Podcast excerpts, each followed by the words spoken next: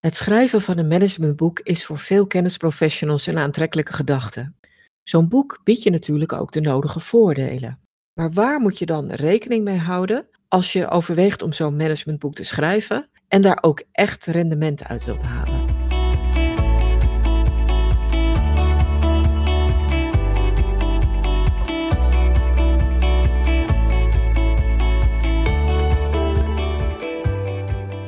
Een managementboek is eigenlijk de ultieme vorm van content. Het is veelomvattend en een prachtige etalage van je kennis en expertise. Het is ook wel een statussymbool. Daarnaast kan het een bron van inkomsten zijn en ook allerlei andere rendementsvoordelen bieden. En over dat statussymbool en over die mogelijkheden om daar meer rendement uit te halen, wil ik het verder gaan hebben in deze podcast. Allereerst het statussymbool. Het lijkt voor de hand te liggen. Een managementboek toont je expertise en geeft je heel veel status. Dat is ook omdat een hoop vakgenoten van je dit niet doen. Die gaan niet over tot het schrijven van een managementboek. Maar het feit dat ze dat niet doen, heeft ook wel een reden. Los van het feit dat je wel enig schrijftalent moet hebben en ook tijd moet vrij kunnen maken om te schrijven, zijn er wel een paar valkuilen aan het schrijven van een managementboek. En die maken het niet zozeer lastig om ermee te starten, maar wel om het door te zetten en het ook uiteindelijk te publiceren. Ik denk dat er heel wat aanzetten tot managementboeken in digitale archieven zitten. En ik denk zelfs ook dat er hele managementboeken in digitale archieven zitten, die nooit het daglicht zien. Want wat zijn nou de twee grote valkuilen bij het schrijven van een managementboek? De eerste valkuil in mijn ogen is dat je een te breed onderwerp kiest. Je onderwerpkeuze is echt wel een uitdaging. En ga je te breed, dan wordt de uitdaging om te schrijven nog veel groter. Bovendien schiet een te breed managementboek vaak zijn doel voorbij. Het wordt al snel een naslagwerk. En het is natuurlijk de vraag of je lezer daar wel op zit te wachten. Zo'n breed boek heeft nog een ander risico. Je loopt namelijk het risico dat je al je kennis in één boek dumpt, als het ware. Dat is om heel veel redenen echt niet handig. Het is niet voor jou handig, want je neemt nogal een taak op je schouders. Zo'n breed boek vraagt heel veel van jou om te schrijven. Nog los van het feit dat je waarschijnlijk ook dingen dan weer mist. Maar het is ook voor je lezer niet handig, want die krijgt ineens een enorme pil voorgeschoteld. En het is de vraag of die dat wil en of hij het ook daadwerkelijk gaat lezen. Misschien haakt hij al na 10 minuten af. Dus een te breed onderwerp kiezen, dat is een groot grote valkuil. De tweede valkuil bij het schrijven van het managementboek is dat je misschien spontaan gaat schrijven. En dat je dan een goed doordacht, degelijk boekconcept mis. Want een boek heeft een rode draad nodig. Een structuur die de lezer bij de hand neemt om een bepaalde weg af te leggen. Een weg naar een antwoord of een oplossing op zijn vraag. En je structuur is daarvoor een heel belangrijk middel los daarvan dat je structuur goed moet zijn, moet je boekconcept ook voorzien in andere elementen die je structuur verder ondersteunen. Dat kunnen wat luchtige elementen zijn, maar het kan ook nadenken zijn over een specifieke aanpak die bij jouw doelgroep past. Hoe lang moeten hoofdstukken zijn, zodat jouw doelgroep ze nog prettig verteerbaar vindt? Welke rol spelen illustraties of andere elementen die je boek een extra lading of onderbouwing kunnen geven.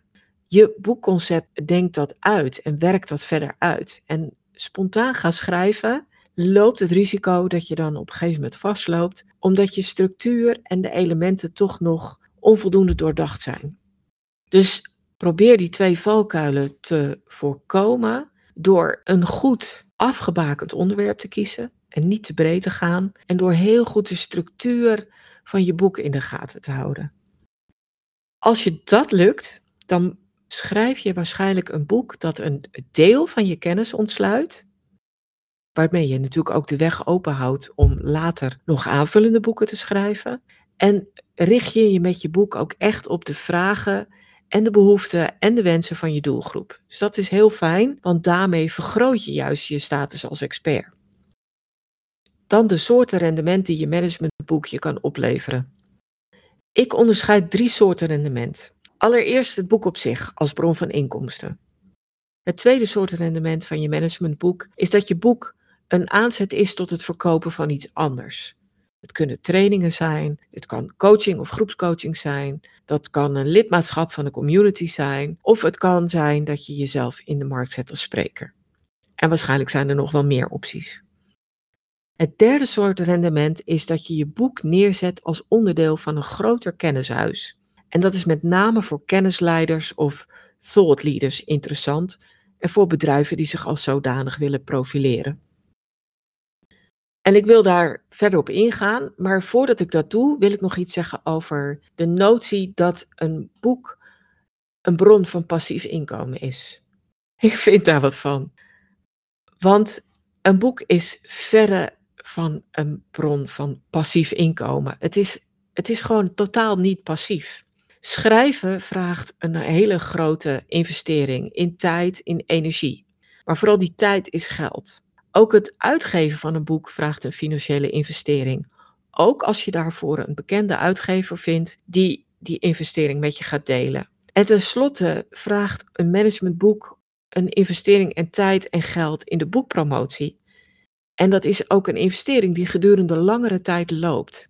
En die drie dingen maken dat het verre van passief is. Maar dat neemt niet weg dat een managementboek echt wel een inkomstenbron kan zijn die je meeneemt in je ondernemersplannen of die je als inkomstenbron naast je dagelijks werk kunt zien.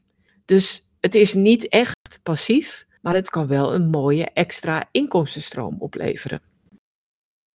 Hoe zit het dan met dat extra inkomen? Nou, wat ik net al zei, er zijn drie soorten rendement. Het boek zelf, de aanzet tot extra inkomsten en je boek als onderdeel van een kennishuis. Allereerst de inkomsten die je hebt van het boek zelf. Het hangt een beetje vanaf van welke uitgeefvorm je kiest. Op het moment dat je een uitgever vindt die jouw boek wil uitgeven, dan zal je inkomen uit het boek 10% van de netto verkoopprijs zijn. Soms is het ietsje meer, maar het is eigenlijk nooit meer dan 15%. En voor de meeste auteurs geldt gewoon die 10%. Wat betekent dat qua inkomen? Van redelijk succesvolle managementboeken geldt dat er over het algemeen 1000 tot 2000 van verkocht worden. Bedenk dan dat de verkoopprijs vaak zo'n 20 tot 25 euro is en dat is inclusief BTW. Maar de 10% royalties van het boek hebben betrekking op de prijs zonder BTW. Dus al met al kun je zeggen dat je per verkocht managementboek zo'n 2 euro, 2,25 overhoudt. Kijk je dan naar die 1000 of 2000 uh, eh, verkochte exemplaren, dan is dat over het algemeen geen vetpot. Wil je daar meer uithalen, dan heb je in feite nog twee opties om meer uit zo'n managementboek te halen. De eerste is om niet voor een traditionele uitgever te kiezen, maar om te kiezen voor eigen beheer. Dan heb je wel meer eigen kosten, maar is in feite de hele opbrengst van de verkoop van jou. Bedenk alleen wel dat boekwinkels die je boek verkopen ook zo'n 40 tot 50 procent van de verkoopprijzen eisen. Dus je bent sowieso de helft al kwijt aan de boekwinkel. Goed, die andere helft is van jou en daar gaan dan alleen je kosten van af. Een boek uitgeven in eigen beheer vraagt echter wel een investering. Een investering in redactie, je hebt eigenlijk altijd een goede redacteur nodig om je boek echt goed leesbaar te maken. Een investering in vormgeving, want je wil natuurlijk dat het boek er professioneel uitziet. En een investering in drukken en eigenlijk ook nog in logistiek. Je moet wat investeren in kosten bij het Centraal Boekhuis. Dus het betekent dat je wel iets meer rendement overhoudt dan die 10%. En dat je rendement misschien wel 40, 50 procent is. Maar er staat ook een hogere investering tegenover. Dus het is per boek altijd een afweging wat nou slim is. Wat je ook kunt doen, is dat je gaat kijken naar een e-book. Je hoeft namelijk niet voor een papieren boek te kiezen, maar je kunt ook ervoor kiezen om een boek alleen in digitale vorm uit te geven. Dat vraagt een veel lagere investering. Het heeft een veel lagere drempel om zo'n boek te produceren. En afhankelijk van je distributiekanalen kan het zijn dat je daar een leuk bedrag aan overhoudt. Dus dat is zeker een optie. De derde optie die je hebt om extra inkomen uit één specifiek managementboek te creëren, is dat je ook gaat kijken naar mogelijke spin-offs. Je kunt een luisterboek maken van je boek of e-book. Je kunt een podcastreeks produceren op basis van je boek en die kun je tegen betaling ontsluiten. Je kunt een serie video's of videotrainingen maken en die ook weer tegen betaling ontsluiten. Je kunt trainingen aanbieden als aanvulling op je boek. En dat kunnen trainingen zijn voor iedereen met een open inschrijving, maar het kunnen ook in-company trainingen zijn. En je kunt je natuurlijk gaan profileren als spreker, waardoor je ook extra inkomen op basis van je boek kunt realiseren. Dus die extra spin-offs zijn in feite een tweede optie tot rendement naast je basisboek. De derde optie die ik noemde is een kennishuis. En dat vraagt denk ik wat extra uitleg. Als je je status als expert wil vergroten, is een managementboek echt een goed hulpmiddel. En als je twee managementboeken publiceert, is dat nog beter. Maar als je als kennisleider een soort expert plus in je vak weer gezien wil worden, vraagt het om een heel pakket aan kennis, waar je boek dan één logisch onderdeel van is. En ik noem dat een kennishuis. Zo'n kennishuis kan van alles omvatten. Het kan naast je basismanagementboek ook een vertaling naar het Engels of naar een andere taal omvatten. En die andere taal kan afhangen van je werkgebied. Dat kan in feite Azië zijn, dat kan Duits of Frans zijn als je kijkt naar Duitsland of naar België. Dat wisselt. Het kan aanvullende informatie zijn in een kennisbank. En ik noemde net al even zo'n zo'n reeks podcast of een reeks videotrainingen. Die kun je in feite in een kennisbank onderbrengen. En daar kun je nog, natuurlijk nog veel meer dingen in ontsluiten. En dat kunnen bijvoorbeeld ook nog case studies zijn, dat kunnen data zijn, rapportages, whitepapers, hele kennisintensieve artikelen. Kan van alles zijn. En zo'n kennisbank kun je ontsluiten tegen betaling of juist gratis. Het hangt af van je doelstellingen.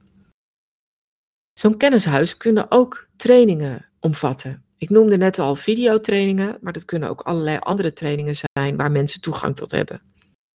Het kunnen ook jouw sessies of kennisdelingen als spreker zijn. En tenslotte kun je groepscoaching in een kennishuis onderbrengen. Mensen betalen een x bedrag en hebben voor een bepaalde tijd toegang tot bepaalde coaching, waarbij je in een bepaalde frequentie toegankelijk bent voor de mensen die die coaching hebben afgenomen.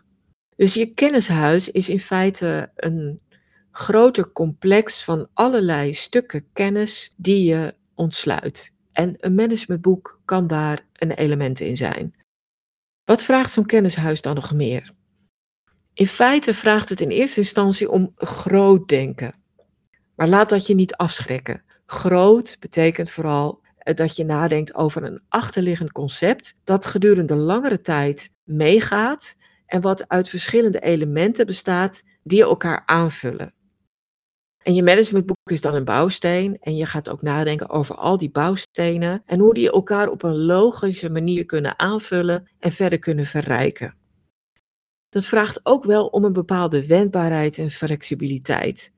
Niet per se in dat eerste boek, maar wel in je concept kennishuis. We hebben natuurlijk allemaal wel gezien dat de wereld verandert en soms abrupter en sneller dan we denken en zouden willen. Het betekent ook dat je vragen vanuit je publiek of je doelgroep mee veranderen. En het betekent waarschijnlijk ook dat je eigen prioriteiten en activiteiten regelmatig veranderen. Dus zo'n kennishuis vraagt om, wel om een lange termijnvisie, maar ook om een bepaalde wendbaarheid en flexibiliteit in die visie. Probeer je in te stellen op een veranderingen in de vraag vanuit je doelgroep. Maar het betekent voor mij wel dat je managementboek een hele goede eerste stap kan zijn. En dat je soms dat managementboek als een op zichzelf staand iets kan beschouwen. Maak het vooral niet te groot of te zwaar voor jezelf om met zo'n boek te beginnen. Maar dat je soms ook al over vervolgstappen nadenkt. Vervolgstappen om extra rendement eruit te halen. Of vervolgstappen in een nog groter geheel, zoals zo'n kennishuis. En zo zie je dat een managementboek op drie manieren extra rendement voor je bedrijf of voor jou kan betekenen. Het boek zelf, de spin-offs en extra dingen die je aan zo'n boek verbindt. En als ultieme vorm van rendement, zo'n kennishuis waarbij je in een groter geheel gaat denken en met je managementboek de eerste steen legt van zo'n kennishuis. Overweeg je het schrijven van een managementboek? Ga het zeker niet uit de weg en kijk of je dit kunt gaan doen. Het is een mooi avontuur, weet ik uit ervaring. Want samen met uitgeefadviseur Marja Duin begeleid ik al sinds 2013 auteurs bij het schrijven van een managementboek. En Marja is voor mij een perfecte compagnon, want ze werkt al meer dan 20 jaar voor diverse bekende en grote uitgevers. En vanuit onze gemeenschappelijke expertise begeleiden we ondernemers en professionals dan van concept tot uitvoering. En ik zie dan hoe blij auteurs zijn met hun boek en met het extra resultaat dat het hen oplevert. Wil je daar iets meer over weten? Heb ik je nieuwsgierig gemaakt met deze podcast? Ik heb in de show notes bij de podcast een aantal links opgenomen die je de weg kunnen wijzen en die je meer informatie geven over het aanpakken, starten, schrijven en promoten van een managementboek. Dus ga zo'n mooi avontuur niet uit de weg en kijk of zo'n managementboek ook voor jou een mooi middel kan zijn om zowel je status als expert te vergroten als om extra rendement te realiseren. Dankjewel voor het luisteren. Voel je zeker vrij om deze aflevering van de Content Divas podcast met anderen te delen als je denkt dat dit van pas kan komen.